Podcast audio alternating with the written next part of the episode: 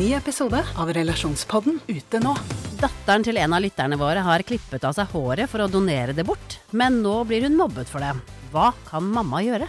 Og hva gjør du når 14-åringen ikke vil ha den kjipe stebestefaren i konfirmasjonen sin? Ta hensyn til konfirmanten eller til mormor. Hør Relasjonspodden gratis der du hører podkast. Hei dere, velkommen til Biohacking Girls podcast. Vi leder showet, og jeg er Alette. Og jeg er Monica. Vi er gode venner og kolleger, og vi legger sammen våre erfaringer og kunnskap for å inspirere deg til å bli din egen biohacker og optimalisere livet ditt. Vi følger med på ny forskning og trender, og stiller de spørsmålene vi mener er nødvendige. Ja, vi deler informasjon om biohacking, life coaching og fitness, og vi håper at du vil føle deg inspirert og klar til å ta et tak for å komme i den beste helsemessige form. Velkommen til Biohacking Girls podcast. I dag har vi vår veldig gode venn, jeg føler at han nesten er blitt familie med oss, dr. Bill Schindler fra Maryland, USA, på tråden igjen. Han er food scientist og vår go-to når vi lurer på noe når det kommer til dette med mat. Og det er så fint, fordi at oss og mange av dere som lytter på podkasten vår jevnlig, kan bli litt forvirret, for det er så mange tanker, og særlig i ketoverden, i høy proteinverden, og med dette med fett, lite fett, mye fett. Hva skal vi spise? Er det lurt å faste? Er det lurt å spise bare kjøtt? Eh, hvordan skal vi velge matvarer? Hvilket eple skal jeg velge når jeg går inn på matbutikken, når det er ti forskjellige? Hva er prosessert, og hva er ikke prosessert, og hvordan påvirker oksilater? Altså, vi har så mange spørsmål. Det har vi, og da går vi til Bill Schindler, som kan svare på alle våre spørsmål. Han, det vet jeg, og nå sier vi bare hjertelig velkommen til Bill Schindler. Welcome, Bill Schindler. So good to see you again. How are you? Good. It is so good to see you both. I miss you guys. Yes, we feel we feel we are family with you and Christina. yes.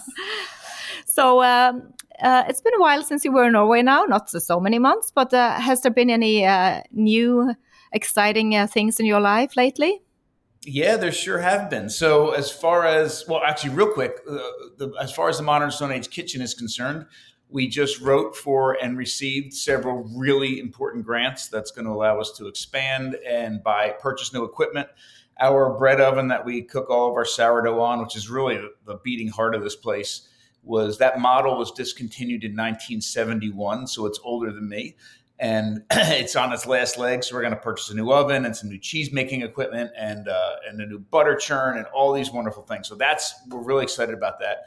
Uh, but as far as the Eastern Shore Food Lab is concerned, we have a couple of really cool things happening. Number one, the director from the National Geographic show, The Great Human Race, that I was on, that series, uh, he's become a very good friend of mine since we filmed.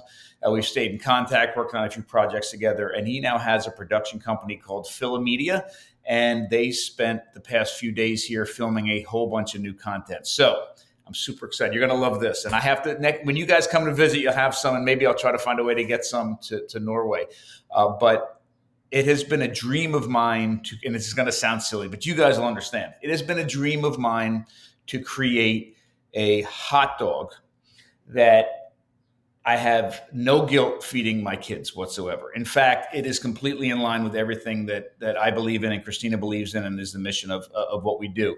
So we created. It took years, but we finally nailed it down. We created a hot dog, a complete nose to tail hot dog that has the same percentage of all the different parts of a cow that is in all the different parts of a cow. So it's like you started on one end of a cow and ate through the entire the entire side. So all the parts that I can legally get are in this hot dog in the same proportion and it has an incredible flavor it has the same texture and aroma and all the things that you that, that, a kid would expect to have in a hot dog but it is a complete nose to tail beef hot dog wow so we created it and here's the thing we, so they came and i know that sounds great hopefully everybody listening to this like oh my gosh i wish i could get a hot dog like that well i can't get it to norway but we can teach you how to make it. So they came and filmed how to make those hot dogs and hamburgers, the same approach in your own kitchen. We did a bunch of fermented potatoes. They're coming back. We're going to do nose to tail butchering on pigs and how to make a whole bunch of different kinds of meats from the from the, like deli kind of meats to put in your kids' sandwiches. So I am super excited to be able to share that. We should have it out in a few weeks. Oh my god, that is so amazing, Bill. Uh, can you say this uh, word, brunost? not like that. Brunost. yeah, that's, the, that's, the, brown cheese. Brown cheese, yes. yes. Tell us, you made brunost when you came back. How was that? It was fantastic. So, uh, if you remember, I grew up, and I don't even know why, because we, uh, we it turns out we have a little bit of Norwegian roots deep back, uh, back deep. But my grandmother on my mother's side, my maternal grandmother, used to have that cheese all the time when she had a special event. And I remember it as a kid. I haven't had it in years. And it was one of the main things I wanted when I came to see you both. So when we came back here, uh, we made some and it was fantastic. It was awesome. And, and it's not easy to make, but I, um, the first trial we had came out great and I got to share it. And it was also cool because I brought a bunch of the cheese home. Uh, you know, some of the stuff that you gave me and some of the stuff that we purchased. So I had that alongside the one we made. And I'll tell you, obviously the stuff in Norway was better, but we're learning and we didn't do a terrible job. And then we also had somebody send us from Norway one of the wooden molds. So the next time we make it, we're going to make it in a traditional mold.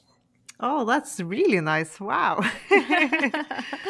uh, this is great news. Uh, the hot dogs, we look forward to getting those to Norway and feed our kids with. That would be great. I would love to get them to you. Yeah. And, and, two other very quick things. And I know we got a lot to talk about, but it's so great to see you guys. I'm so yeah, excited. I know. Uh, what one of the things you know certainly we have a very similar approach to food and diet and health and, and things we think we should have in our diets and one of the things that i found as a parent is that if we can make the food that our kids are craving or used to eating but make it in the most nourishing form possible, I think that that is a huge step in the right direction. So it may sound weird that I'm even playing around with with a hot dog and I've been doing it for so long, but if I can make that hot hot dog and use that to replace the hot dogs that they're getting elsewhere, then that's going to make over the years is going to make a huge impact on their diet. So I'm super excited about the hot dog, and I, I just, just coming down the pipeline, and you're the first to hear about this. This is crazy, but uh, we took it to the next level, um, and we haven't posted about it yet. But we've made now the world's first ever nose to tail, grass fed, sourdough nixtamalized maize corn dog, fried in animal fat, and it is. We had it last night for dinner. It is out of control, but that's coming soon. We don't we, we, we don't have that one completely launched yet, but it's you really guys. Good. You are yeah, you are really doing it. That's for sure. We have to go. We have to go and yeah. visit you soon. Yeah. but let's jump into today's uh, topic, uh, Bill, because. Uh, we had so many nice and interesting guests on the podcast and even on the biohacking weekend. And, um, you know, sometimes we get a, a, bit of feedback. People get some, a bit confused too because we have so many different voices when it comes to food science. So we wanted to bring you on board and um, discuss a little bit what's wrong, what's right, because it's uh, not so easy for people to uh, to pick and choose. Exactly. And uh, they ask us because we have, yeah, you know, all different guests that have different food philosophies.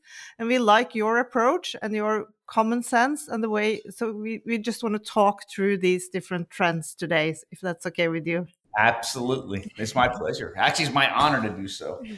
So, uh, you know, we are keto. We uh, we eat a lot of proteins and fat and uh, clean food. So that's probably a place to start. Uh, but still, there's so many variations here. What would be your beginner's food philosophy, just to make it mm. simple? Well, let, let, me say a couple of very quick things. I think to, to start off, start that off because it, it, it is confusing, and I do want everybody to know that I have a lot of thoughts about this right now that I'm about to share in the next few minutes. And if you asked me a year ago, part of what I would have said would have been a little different. And five years earlier, it would have been a little different. And in a year, it might still be a little different. And, and I'm confident, whether they would admit it or not, probably most, if not all, the guests that you've had on uh, are in the same boat. So this isn't something that I or anybody's completely nailed down. If we had, right, it, then um, we wouldn't be having all these different conversations. We would just be listening to this this one person. So if you are confused, then you're not alone. Everybody has a little bit of, of confusion, and we all go about addressing that confusion and answering those questions in a slightly different way. The other thing I would like to say is it gets overwhelming. I mean, incredibly overwhelming. There's so much information, especially in the biohacking world. You can go down these rabbit holes and all the information is important but at the end of the day somebody's just like yeah i just want to lose five pounds or i just want to you know have my skin clear up or my digestive issues to go away what am i supposed to do where do i start there's a couple things i think we need to remember one is that nobody can do all the things that any of your guests have on or anything I'm going to say or any all overnight, especially if you have if you're living with somebody else, if you have kids, if you have a career, if you have other hobbies, transforming overnight from one lifestyle, a way that you've maybe been living for 30, 40, 50 years to something else isn't going to happen. And if you try to do that overnight, it most likely will end in some sort of a failure in weeks or months and you'll be back where you started. So listen to everything you can to get as inspired by everybody as you can, but start to take steps that are measurable, that are consistent, and then slow and add, and add on to that. So the first thing I would say is it depends on what you know you're trying to accomplish. Everybody has a different goal for what a change in diet can produce. Some people want to lose a few pounds. Some people want to just be healthier overall. Some people want to gain weight. Some people want to have better digestive health. Some people want all of those things. Brian Sanders said to me once. Uh, actually, not, I, he didn't say it to me. I heard it on a podcast and I thought it was brilliant. And I've repeated it over and over again because it, it, was incredible uh, advice. He said, just remember the diet that healed you may not be the best long term solution for you. Right? We all have different things that we need. And when we find something that helps us achieve that goal, awesome. And I hope we get to that goal. But once you get to that goal or towards that goal, you might realize that there's something else now that has been uncovered or some other some other goal that is going to require some sort of a shift in the diet. And that's okay. In fact it's supposed to be that way. Nourishing ourselves properly is incredibly complicated. The best thing that you can do is get in tune with your body in touch with your food remove links from your food chain and listen to all the different inputs you have. Eat and then see how you feel an hour later, six hours later, a day later, weeks later, and then start to make these adjustments. So the first thing I would say is take small incremental steps that you can implement and they can last a lifetime. Figure out what it is you're trying to achieve. Figure out which of the diets that we talk about in the next, you know, few minutes is the best way to achieve that goal. And then realize that it's okay to shift. There are some people, there's people like Anthony Chaffee, for example, that have been on carnivore, you know, found carnivore. It's been incredible for him for what he needs. He's been on it for years. There are people uh, like um, Robert Sikes, good friend of mine. That I don't think the guy's eaten a carb in like six years. He's incredibly dedicated. The keto lifestyle for him is perfect, and it's been that way for years. I also see a ton of people, a ton of people that come into our shops. I'm like, you know what? I have been on keto for three years. I feel great. This is awesome. I want to start including a couple other things in my diets. You know, what what what should it be? What, you know, how can I start to incorporate maybe some sourdough bread or something else? And for them, that works perfectly. But um, it's okay. It's it's okay to shift. Another real quick little thing I want to um, bring up that I think is important as well is I was asking Marty Kendall about nutrient density. I mean, that's his wheelhouse. What does nutrient density mean? And and I said, what does nutrient density mean to you? And he says, well, what does it mean to you? I said, well, it means, you know, food that has a whole lot of nutrients in it and I and it's really, really dense. And he's like, well, yeah, but what does that mean? Like what nutrients, what nutrients should it have? And I started to name a bunch of things. He goes, no, no, no. Nutrient density, good nutrient dense food means something different for every single individual because they need something different in their diet because you know they're lacking. So it's nutrient dense to you right now. The nutrient dense food that you need to eat right now might be different than it is in six months once you get your body flooded with the nutrients that you need. So again it's complicated. Small steps are great. But as far as the keto world is concerned I love it's what I'd, I'd love to do if it's okay with you. If we can go through some of the maybe the major diet dietary trends and talk about a couple of really good things and a couple of things that I think are potential problems with it and how it fits maybe in the past. So, as far as the keto world is concerned, I love the keto world. In fact, if your goal is to truly lose weight while staying satiated um, and staying healthy, it's probably one of the best. it, it is the, the best way to do it. A couple of issues I think that we should think about in the keto world is anytime that we have an opportunity to turn our brains off and not think about food, I find that dangerous. So there are people in the keto world that think about food all the time and are, are, always conscious of stuff, and that's fantastic. There's others because of the simplicity, which is a, a, a golden thing. You know, one of the wonderful things about the keto diet is that there's there's very set rules. Do eat this, don't eat that. You know, eat, eat low carb. I mean, it's very very simple. But when mm, people do that without thinking about the food that they're putting in their bodies, and their only goal is to eat food that is low in carb and shut their brains off to you know the quality of that food a whole bunch of fake bad things can enter into our, into our diet so one of the things that scares me uh, about uh, people following a keto diet without thinking um, actively about all the food they're eating is you can get a whole bunch of nonsense in your in your food to try to replace the foods that you know you're eating on you know the rest of your life that you really love these comfort foods and just get these low carb versions of it. And then all of a sudden, you're, you're even though you may be losing weight, you're flooding your body with chemicals.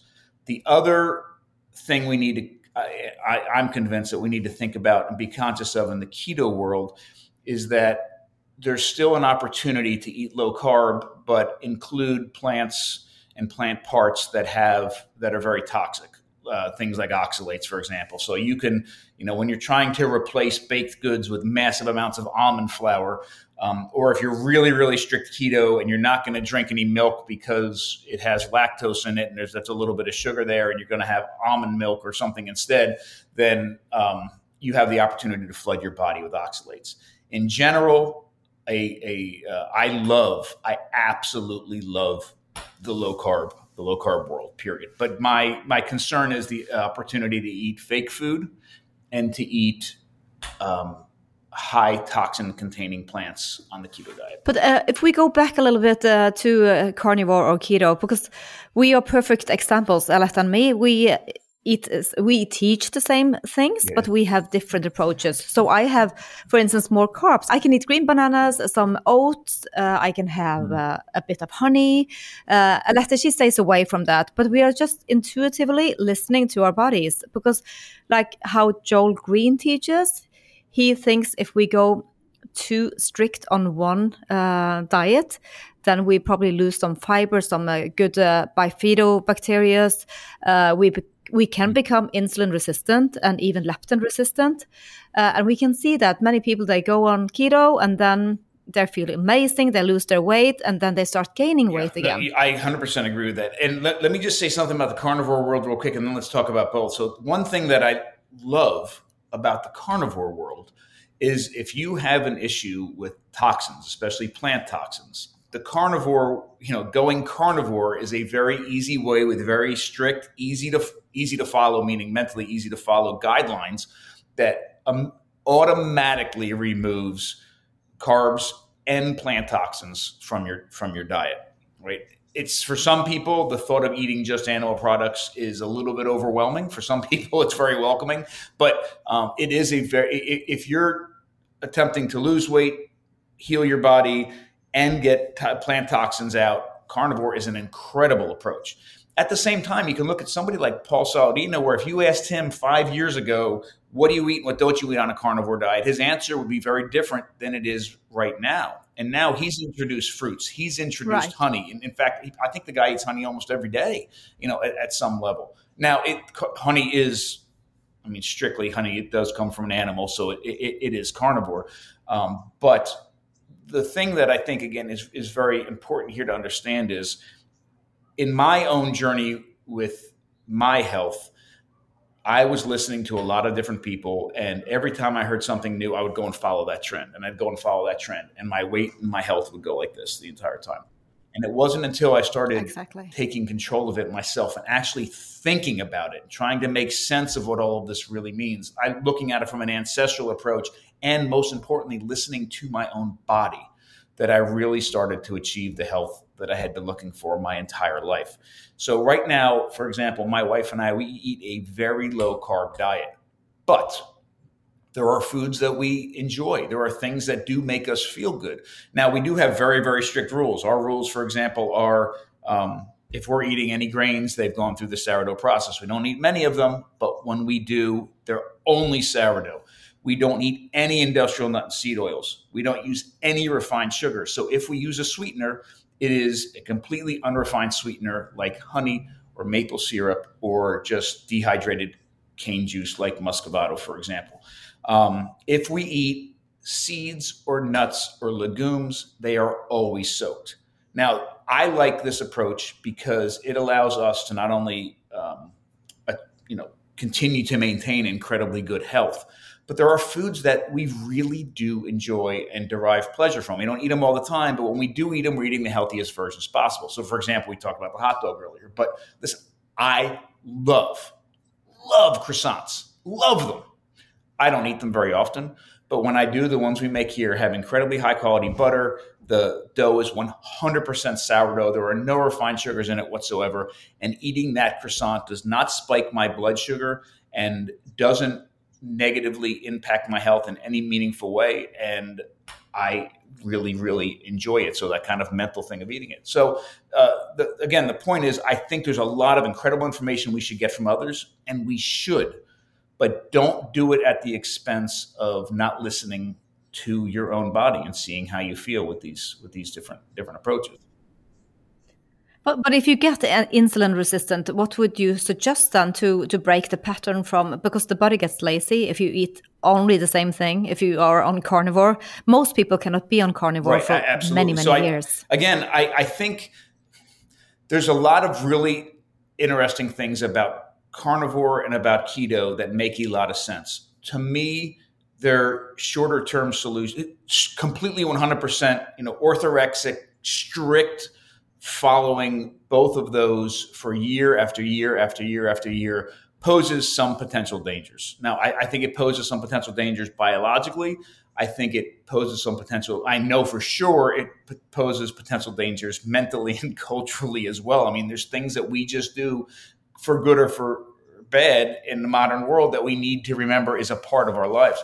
Um, so the other thing that's interesting about keto and carnivore, which is, you know, again, 100% strict for 10, 20 years compared to what my approach and many other people's approach is, is that people weren't in, you know, we look into the past for a lot of our, um, insight and inspiration, right, And a lot of our information. And we look into the past to try to say, okay, what is the best of the best of the past, and how can we take that and incorporate that into our modern lives? We're and remember, we are still living in 300,000 year old bodies we have the same nutrient requirements that we had for the past 300,000 years. We have the same digestive tract that we've had for the past 300,000 years, but we're living in this modern, crazy modern world that we've never experienced before. So we have to try to figure out a way to take the best of the past, the best of the present, and you know bring that together in a way that allows us to maintain incredibly nourishing, healthy lives. Well, if you look to the past, we were not carnivore 100% of the time for you know our entire lives. We were not eating keto 100% of the time for our entire lives. We had now one thing that's certain and standard for the past is that the, the word we just think about is diversity. And we're talking about millions of years worth of time, people doing all sorts of different things in different parts of the world with different resources. But there are some commonalities that we see. Animal resources were front and center the most nourishing and safest foods that our that our ancestors consumed but they also did consume plants. We know for sure they were consuming plants. In fact, they were consuming plants before they were consuming animals. We know this. They were also consuming insects. Um, they did have a low, much lower carb diet than we had today, but there were carbs in their diets. And so, to me, if you know, if I'm looking into the past for inspiration and information, and I don't see people living a completely carnivore keto life their entire lifespan, then it makes me think, well, there's a little bit more to the most incredible nourishing diet for a human than just eating meat or just eating whatever. Um, so, but it is it is a balance. It is trying to figure that out, you know, and that's why I mm-hmm. started by saying if you're if you're trying to lose weight or if you're trying to accomplish whatever goal, pick the thing that works the best, do it, and then listen to your body. Once you've achieved that goal, or if you're getting closer, seeing the results, listen because maybe your carb intake is a little bit lower than it should be. Maybe you know you, you need some other sort of um, incorporation of food or supplements into your diet to, to allow you to live your healthiest life. And always remember, and this is the this is so important. This is I bring up the Brian Sanders thing again. So many of our diets are so incredibly poor, so bad in the modern world right now that if we make any change, if we go vegan, vegetarian, keto, carnivore, paleo, Weston Price, whatever we do, it's an improvement over the diets that we had.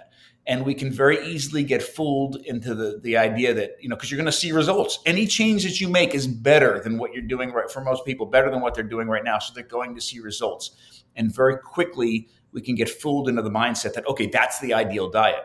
And you know what? It might be, but it probably is just better than what you were doing. And there's something else out there that you should, um, you know, that, that it could even be better than what you're doing. Yeah, because that is a common denominator with all the health and food gurus out there is eat whole food that they all agree on and that that's a good thing because then we're 90% better than we used to be but you mentioned mm -hmm. the, the insects and the new craze now about us starting to eat insects for protein. Yeah. Can you just you say, know, what's your thoughts on that? I get so. I come from an anthropological world, and we do a, a, I think, a very good job of looking at all the different factors that go into um, decision making in the past or in communities in different places. But so much of the world right now, and I think it's because of the way we look at social media and our attention spans are only for you know five or seven seconds or whatever it is we get so sucked into these black and white arguments that you know i just saw another post the other day with somebody sitting there surrounded by like 40 pounds of bull testicles and talking about how we should eat nothing but raw bull testicles. It's ridiculous and silly. And the argument around the insect thing has gotten um, just as silly. And it's been just like everything else, it's been politicized and polarized right now in the dietary community. Unfortunately, um, most people in the carnivore world see it as an attack on eating meat, and most people in the anti meat um, uh, world are looking at it as a hey, this is a solution to not have to kill cows or, or, or raise pigs or whatever. And they're both ridiculous because the reality is in the middle we have been eating insects for millions of years before our ancestors ever touched a piece of meat. Then we included meat in our diet, and then we still kept eating insects. Right? Insects are an incredible food. They're not as good as animal products by any by any means, but in my mind, if the, the conversation should be, how do we raise animals in the most ethical and sustainable way possible? How do we uh, slaughter those animals? How do we butcher those animals? How do we cook and distribute the, the, the parts of those animals in the most nourishing, healthy, you know, ethical, sustainable way possible? And how do we include this other incredible food resource in our diet? Insects. That should be the conversation. And if we can do that, oh my gosh, what the, the, steps that we're going to take to reaching our ethical and sustainable and uh, nourishing goals for us as a species and us as a planet would, would be, we'd be so much closer to those goals. But unfortunately, the conversation has gone to, hey, we're going to replace all, the, all your steak with, uh, with crickets. And that's a ridiculous conversation as well. It's just as ridiculous as trying to like make fake meat in a, in a, in a lab. It is. But let's go back to what you talk about listen to your body because I think that's very, very difficult. Uh, intuitive eating, we've been focusing on intuitive eating for many years, but still listening to your body. How do you how do you listen to your body though? so, like we talked about uh, a few minutes ago, or right, right, before we started, I just turned fifty uh, two weeks ago, and I can honestly say it hasn't been until the past few years that I've been able to actually listen to my body. And I'm sure I'm missing things. I know for sure I'm missing things. But um, I, I might have mentioned this to you before. One of the things that I think is a brilliant was a brilliant um, uh, activity that the Nordic Food Lab used to do. So the Nordic Food Lab uh, was the test kitchen for Noma in, in Copenhagen. Um, and then they were affiliated with Copenhagen University. Then they split from that, and they're now this with the university. But it was an incredible think tank and action focused uh, lab that was uh, trying to not only better understand and research Nordic foodways, but in general, just you know all kinds of amazing things around the world. They had a huge educational focus and they used to do uh, they made garums out of insects they did all these wonderful things but they also did these public events that were incredibly simple but powerful um, and this this is related so that's why i'm bringing it up they would put out a table uh, right on the street and they'd go to the grocery store and buy every apple the grocery store had, every different type of apple the grocery store had, or all the ones that grew in Denmark or whatever. And they'd cut them all up and put them on a plate and then people passing by, they'd say, try these apples. You know, what apple, what apple do you buy? And they're like, I don't know, ladies, uh, whatever apple. And why? Is that, is that, because oh, it's the best apple. Well, how many other apples have you tried? And they're like, maybe one. Like, how many people go to the grocery store and pick, select an apple or anything, right? A, a piece of meat or whatever, without having tried all the different options to know that's the best one for you. And then you know, again, that's powerful. Like try this, try those different apples, and you're you're, you're going to realize there's things out there that you don't know about.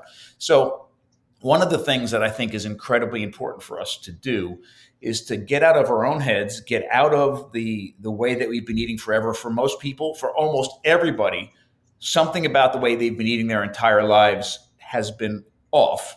So remember that you're going to literally explode whatever model you've been using to eat, the way your parents taught you, the way their parents taught them, and try new things because you don't know if if you've been brought up like me in the 70s and the 80s or there was a war on animal fat, you don't know what real butter tastes like or feels like or lard or tallow or schmaltz, then you're never going to be able to listen to your body because you don't know what the possibilities are. Eat different parts of the animal, eat some organ meats, even eat different vegetables and understand and, and see how you feel. Consciously try these different foods and consciously th- see how your body feels after you eat them. So that I think is number one. The second thing I think is an important, very important um, step in understanding your body is um, participating in some form of fasting at some level. I mean, resetting your body and under, you know, if, if you're just continuously stuffing your body and stuffing your body and stuffing your body, you don't know if the thing you ate, the last meal you ate or three meals earlier, if you, I mean, if you literally eating three, four, five times a day is the one that's making you feel a certain way. It's much easier for me when I started intermittent fasting and, and truly eating one or two, you know, one, one meal or one meal and one small meal a day did I really begin to understand how that meal affected my body. That's great. We should have uh, first of all we should have farmers market every day so we could test all these foods. But should we uh, go go through a little bit? Let's. Uh, you mentioned oxalates, so. Uh, we're gonna have Sally Norton, yes. your friend, uh, on the podcast. We have been, yeah, we have book, been reading right? her book. It's kind of a, it's yes, a good book, but we were but kind still, of overwhelmed. Yes, it's uh, it's a lot there. So how can we narrow down? Because oxalates not everybody knows about their own um, allergies or uh, if they're intolerant to uh, like your story. What would be like the um, uh, maintenance guide or a awesome. beginner's guide actually let me that, that brings up one other really really really good point. In addition to and then i'll get right to the oxalate i promise. In addition to diversifying the foods that you're eating to really understand how these different foods can and do affect your own body the other thing that everybody needs to keep in mind, I believe, which is where my focus is, is the role that technology plays in those foods. So it would be uh, non-comprehensive. It, it, wouldn't be a good idea to go to the grocery store and say, you know, I want to see how milk, how I, how my body deals with milk, and go to the grocery store and buy ultra pasteurized skim milk and come home and taste it and see how your body does when the reality is that's not even milk. I mean, you have a variety of different options for milk, and for everything from ultra pasteurized skim milk to non homogenized whole milk to raw dairy to fermented dairy. Um, so, really play, you know, if something isn't agreeing with you, look at how it's made, read the package, understand how it's made, and look at see if there's a different option because that category, that label that we give to that food can mean so many different things. It, would be the same as buying a piece of sliced pan or Wonder Bread or whatever, you know, Sunbeam, whatever bread at the grocery store and saying, oh, I don't do too well with bread, and never trying a traditional, you know, real rustic sourdough bread and seeing how that makes your body feel. So that that that's important as well. The um, as far as oxalates are concerned, that's the right. one thing I was thinking about when I was saying to see how your body feels because for most people, uh, that type of a plant toxin does not show immediate effects after you eat that food. That's something that will build up in your body over weeks and months, years, and in some cases, even decades. Um, there are some telltale signs. You know, now that I have had a huge oxalate issue and have you know been in the midst of working on recovering from that issue for the past several years, I do now recognize when I eat a high oxalate food a couple of telltale signals in my own in my throat to, to let me know they were there. I, I remember them being there in the past, but I wasn't paying attention to them. I feel something in the back of my throat when I eat a high oxalate food. Yeah, and itching, itching and or? and almost um, for some people it's remin- it's not a histamine reaction, but it's reminiscent of when some people get something in the back of their throat that's a slight histamine reaction. It's it's not itching, but it's a little bit of swelling. Um, and just a little bit of an uncomfortable feeling. I don't know if it's just me or people in general. Um, some people talk about how when they eat spinach, which is an incredibly high oxalate food, how they feel the grittiness in their teeth when they're eating the, the, the spinach, and that is the that, that is actually the oxalates in um, which are like little sand particles, right, in in the spinach that they can actually feel with their teeth. But the reality is, for most people, oxalates are hidden in foods that we've been told are these superfoods, incredibly nutritious foods that um, are eating them and eating them and eating massive quantities of them, and then they're building up in their bodies over time, and then years later, the, they, they start to see the effects of it. So the quick version of the oxalates, and I think we've talked about it before, uh, and Sally will do a much better job that, than I do but they are under a microscope look like little tiny shards of glass or look like microscopic needles depending on what form they come in. And when you ingest them uh, they're dangerous to your the tissues in your body and your body grabs them sequesters them and and st- kind of stores them in different places to keep them away from from causing damage. But when they build up over a lot of time they can even in those areas where they're stored begin to cause all sorts of issues. So things from kidney stones to pseudo gout to corneal issues to um, you know pain, arthritis, all sorts of things. I mean, the list goes on and on. And when you look at the list of all the things that can happen uh, as a result of oxalate toxicity, it's, it's it's really incredible. And for some people, I, and I would even suggest look at that list because if you're going, if you're suffering from something on that list there's a, there's a chance it's not from oxalates. But if you're suffering from it and you've gone to the doctors and the doctors have dismissed it and said you're crazy or you know don't worry about it or there's nothing I can do or just go ahead and take this pill and you haven't seen any relief from it, there is a chance it could be coming from from oxalates. So if you're if you see something on this list and you're like, yes, I have that, and then look at your diet, look at a list of high oxalate foods: spinach, Swiss chard, rhubarb, almonds nuts in general, um, sesame seeds. I mean, there's, there's a whole chocolate, unfortunately. So there's a whole list of these things. And if you see a lot of, you know, you have something in your diet that is on that list and you're eating a lot of it, then, you know, it, it's very easy to start to remove some of those things from your diet and see if, and see if you see a difference.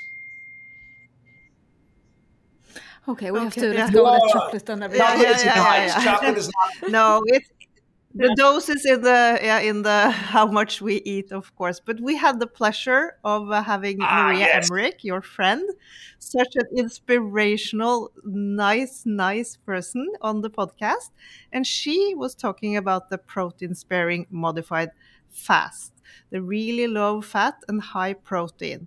And then people started asking us again, "Oh my God, are we not going to eat, eat fat, fat, anymore? Fat anymore? What's happening here?" Can we sure. talk a little bit about that as well? Who who is that for? A low fat diet, high I, protein. Look, that, that's a very very good question. Um, and let me go back to that chocolate thing very quickly. This isn't to scare people away from chocolate. This is this con. What, okay, I, what, I, what the way reason I bring that up is because if you're eating uh, if you're drinking a glass of hot chocolate every day and eating, uh, drinking a spinach shake in the morning and eating a spinach salad with almonds in the afternoon and drinking an almond milk latte, you know, in the evening, and then all of a sudden you're eating, a, you know, half a bar of chocolate at night, you could start to see some issues. If you're if, if you don't already have oxalate issues and you're eating a little square of chocolate every night, that's not the kind of thing I'm talking about here. Or if you enjoy a hot, you know, hot cocoa on Christmas Eve, that's not the kind of thing that I'm talking about here. What I'm talking about is um, high consumption of oxalates on a daily basis that build up over days and weeks and months and years that can cause all of these issues. Um, and as far as the, the, the fat is concerned, yeah. listen, uh, my my specialty is in looking at diets in the past and indigenous and traditional diets that are existing still today. Um, I am not well versed on the benefits of a high protein, low fat diet but I can tell you, um, and this isn't a direct answer, but I can tell you what I have from what I have witnessed all over the world still today, and what I see in the archaeological record suggests that a low fat diet is not something that's very common. It is it is a high protein, high fat diet um, the fats are always coming from animal sources. But, but she would suggest like only two days per week to do that uh, protein sparing modified fast with low fat. So it's not all the time, but still she is in favor of lowering the fat. And we are. But also, she was talking about mm. obese people, not okay. regular weight people but that's where we get confused. Yeah, we yeah, want to no, do I, everything. Actually, I don't. I don't know much about that approach, so I can't speak to it. No. Okay, that's great. Uh, let's also talk about another friend of yours. we have so many uh, biohackers in commune here. Uh, Mindy Pelz, Dr. Mindy Pelz, she is talking about fasting. And to a certain extent, we love intermittent fasting too, but it can become too extreme. We can lower uh, the levels of, uh, we can uh, affect our hormones, we can lose um, good gut bacteria. There's many issues too. What is your you talked a little bit about your own uh, history with intermittent fast, uh, but where can the negativities uh, or cons- bad consequences in, in a couple uh, ways? So first off, you had her on yet? Oh, awesome! Yes. And she's coming to our biohacking weekend yes, in September. Good. She is oh, so yes. wonderful. Oh, you guys are gonna, you guys are like peas in a pod. Oh, that's gonna be that's great. But that's thanks to you, Bill. Yeah, I mean, thanks to, thanks to, you. We're really grateful for all your friends uh, sending them oh, over to I'm us. I'm so, glad uh, you're sharing you. her with, yeah. your, with, the, with the, your audience in Norway. Actually, Mindy's had a, a tremendous influence on my approach to food and, and fasting. And it's it's really it's really interesting what we've seen. We Christina and I both did uh, were very solid uh, intermittent fasters for a couple years, and in fact, we were very very strict with it, and we saw incredible results. Incredible results in just about every part of our life.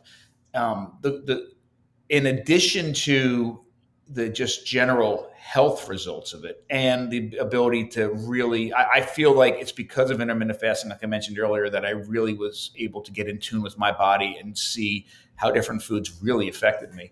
Um, the other thing that was really nice that wasn't as health related but i think fantastic was it freed up our day. Like i mean getting up and making breakfast and eating breakfast and cleaning up breakfast and making lunch and eating lunch. I mean th- those are wonderful things but at the same time, and I love cooking at the same time, not even thinking about food until two o'clock in the afternoon or three o'clock was like, wow, like I, it was awesome. And the energy and the way that I thought about going to the gym or going for a run, it wasn't I had to eat food to go out. Like I get up in the morning and I can go run 10 miles without putting a thing into my body and, and, and feel amazing. It was, it was, it was freeing. At the same time, about a year ago, I did start to stop to see the res- I didn't see the results happening as much as I did before.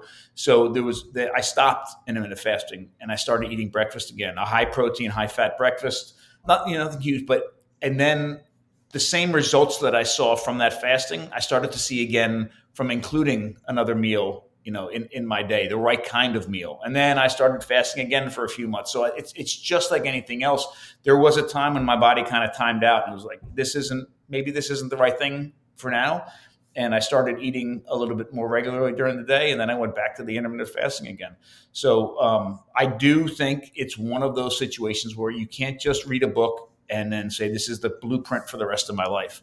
It might be the perfect thing to do for a while And then again, give yourself that freedom to say you you are the person that's in charge of your health. You're the person that's making decisions about your health. That's been so taken away from us now because we're supposed to go for other people for dietary advice. We're supposed to go to doctors for medical advice, and we're supposed to not think you know think about these things for ourselves. But this is where you really need to be able to do that. And also, like Vanessa Spina, she has been introducing the breakfast again. Uh, but I think, like you talk about seasoning, uh, season eat seasonal. Also, think about the rhythm of the week. Uh, don't do everything at the same uh, pace, or like some days we can do intermittent fasting, some days we can introduce a breakfast. Don't you think that's a good uh, way of and, listening? And I don't to? know if we talked about this guy before, but I'm going to bring him up very quickly because it, his model is uh, has has a lot of great takeaways. Uh, a friend of mine in Ireland, actually, you should have him on. I'll, I'll introduce you guys. Cian Foley is his name. He wrote a book called "Don't Eat for Winter." Great. And this is his very quickly this is his story. He was in his i think he was in his i might have some of this wrong but he was in his late 30s uh, he lives in ireland. He just south south of um, well in, in the south of ireland. And he was overweight again mid-age and he was overweight. He was he was standing at his kitchen window in the middle of winter eating an apple and he looked was looking outside of his window and he actually has an apple tree in his yard. And it was like the middle of december or something and he's looking out as he's eating this apple looking at the tree and he's like that tree doesn't have any apples on it it doesn't even have any leaves on it. And i'm sitting here eating this apple. And he started to think about it and he's like you know if you look at all the foods you know the, the foods that animals are eating in the late summer fall and early winter um, these are very high carbohydrate foods. These are foods that put on weight right? So things like fruits or, or grains or whatever. And he said that makes sense for these animals, right, to, to put this weight on before they go into the winter to either hibernate or overwinter or do whatever. And then in the spring and in the summer, those foods aren't available. These very high carbohydrate foods aren't available, and then it's you know it's more of a lean time, and then the animals lose weight. So he this is the only thing he changed in his diet. He said, "I'm just going to eat seasonally. I'm going to eat hyper seasonally. I'm going to eat whatever is growing in my area, not things that are growing in, in you know in, in greenhouses or hoop houses. What would naturally be growing in my area because of the climate. I'll and when it, when it's available, I'm going to eat it. And he, that's the only thing he changed in his diet. Since then, he won the um, an amateur, uh, like the Arnold Classic Amateur Bodybuilding Championship. He's an international kettlebell championship. The guy is the epitome of you know the human figure. But so that's very interesting. But the other thing that's interesting too is his weight fluctuates throughout the year. Because he's eating seasonally, he's also eating these higher carbohydrate foods along with the other animals in the late summer and in the fall. So his weight, even his body fat, goes up in the winter and then goes down again in the summer. And we have this mentality that, okay, we need to be at whatever percent body fat 365 days of the year. And that might not be that natural either. Great point. Yeah. Yes. Absolutely. When it's cold, we need some more fat on our bodies. That's that's uh, Yeah. obvious. But we have to address why we eat, what food supports our vitamins, uh, the energy production, glucose. We have to address all- Endothelium, yeah, these things as well. Yeah. gut microbiome. Oh, that's, a, yeah. that's a really good point. So, again, if you look back to the past, one of the, several things that are different about the way we eat in the past than the way we're eating today. Number one, we were forced to eat hyper local and hyper seasonal because, right, there was very little food storage technology a long time ago. And then when we did have food storage technology, quite often it was in the form of fermentation. Um, it wasn't in the form of, of, of canning and killing everything off and keeping something in a, in, in, a, in a place where no other bad pathogens, pathogens could get in. It was using beneficial bacteria and microbes to create an environment to fight off any bad pathogens. That environment also creates incredible beneficial bacteria and microbes for our own bodies. So things like, you know, a great example would be fermented sauerkraut compared to canned sauerkraut. You couldn't get anything that was resembled canned sauerkraut in the past, but you could get a whole lot of foods that resembled uh, you know fermented sauerkraut um, into your body. So we were eating all sorts of beneficial bacteria and other microbes because of the way we processed our food. We were also ingesting all uh, you know all kinds of beneficial things like um, bacterias, yeasts, again beneficial ones, and even uh, micronutrients because we weren't living in this um, incredibly sterile environment. I mean, dirt in our food was common. Dirt on our hands was common.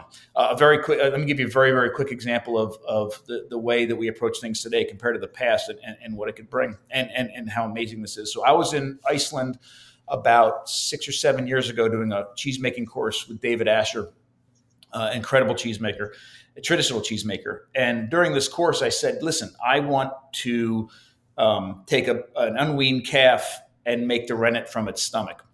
And he's like, that'd be great, but you know, we got to go kill a calf then. And I said, okay, I'll, I'll, do it. And this other guy's like, this other amazing guy from Africa, um, who was in the class, he's like, I'll do it with him. I said, okay. So he said, you guys go do this. And then when you have everything laid out, like nobody else wants to be there for it, we have everything laid out, come in. So I remember we went and um, we're, we're, butchering this, this uh, calf and the guy says to me, this is somebody who grew up his entire life in Kenya. Grew up, you can't hunt in Kenya now, but he grew up hunting in Kenya. He was, he's a little bit older, and he, uh, we're, we're, we're doing this, and he says, you know, out in the bush, when after we'd kill an animal and we'd gut it, we'd open up its stomach and use the stomach contents to clean our hands. And I'm like, wait, excuse me?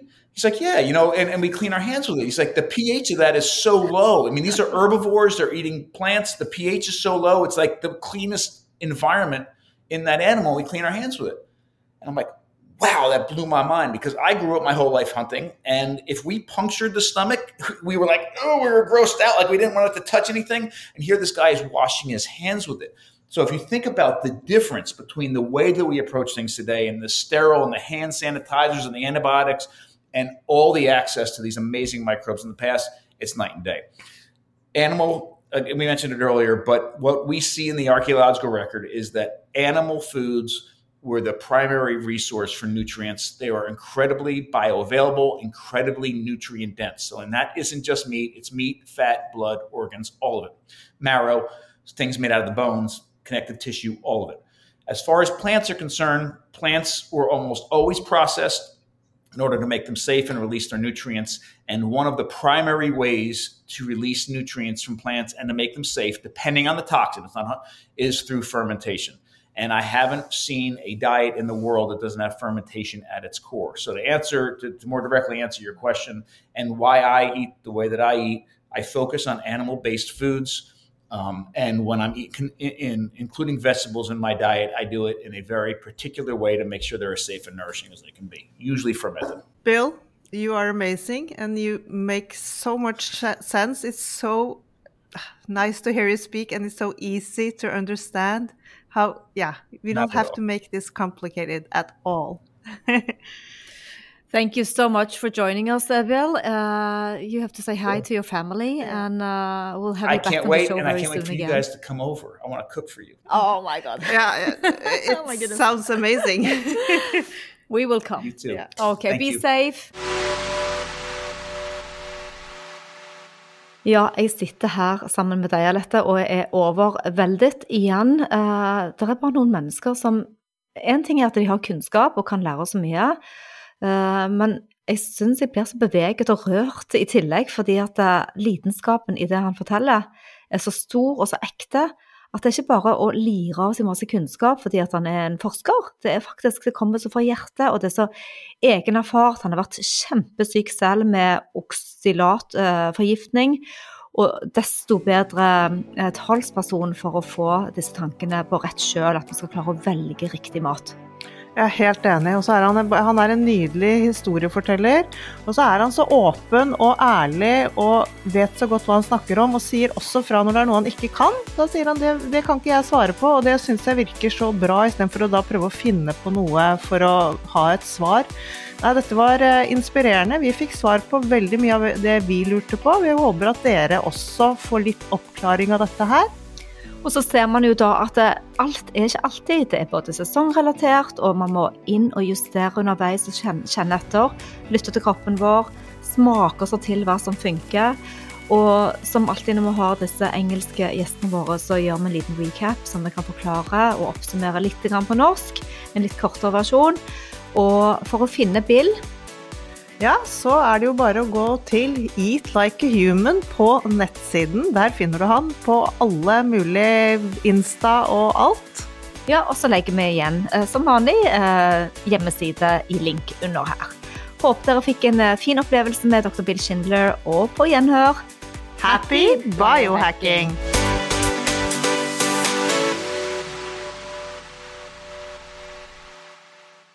Vi minner om at dere må snakke med egen lege eller kostholdsveileder om dietter og andre spørsmål relatert til medisiner og supplementer. Informasjon vi deler kan ikke bli brukt til å diagnostisere, behandle, forebygge eller kurere noen sykdommer eller tilstander.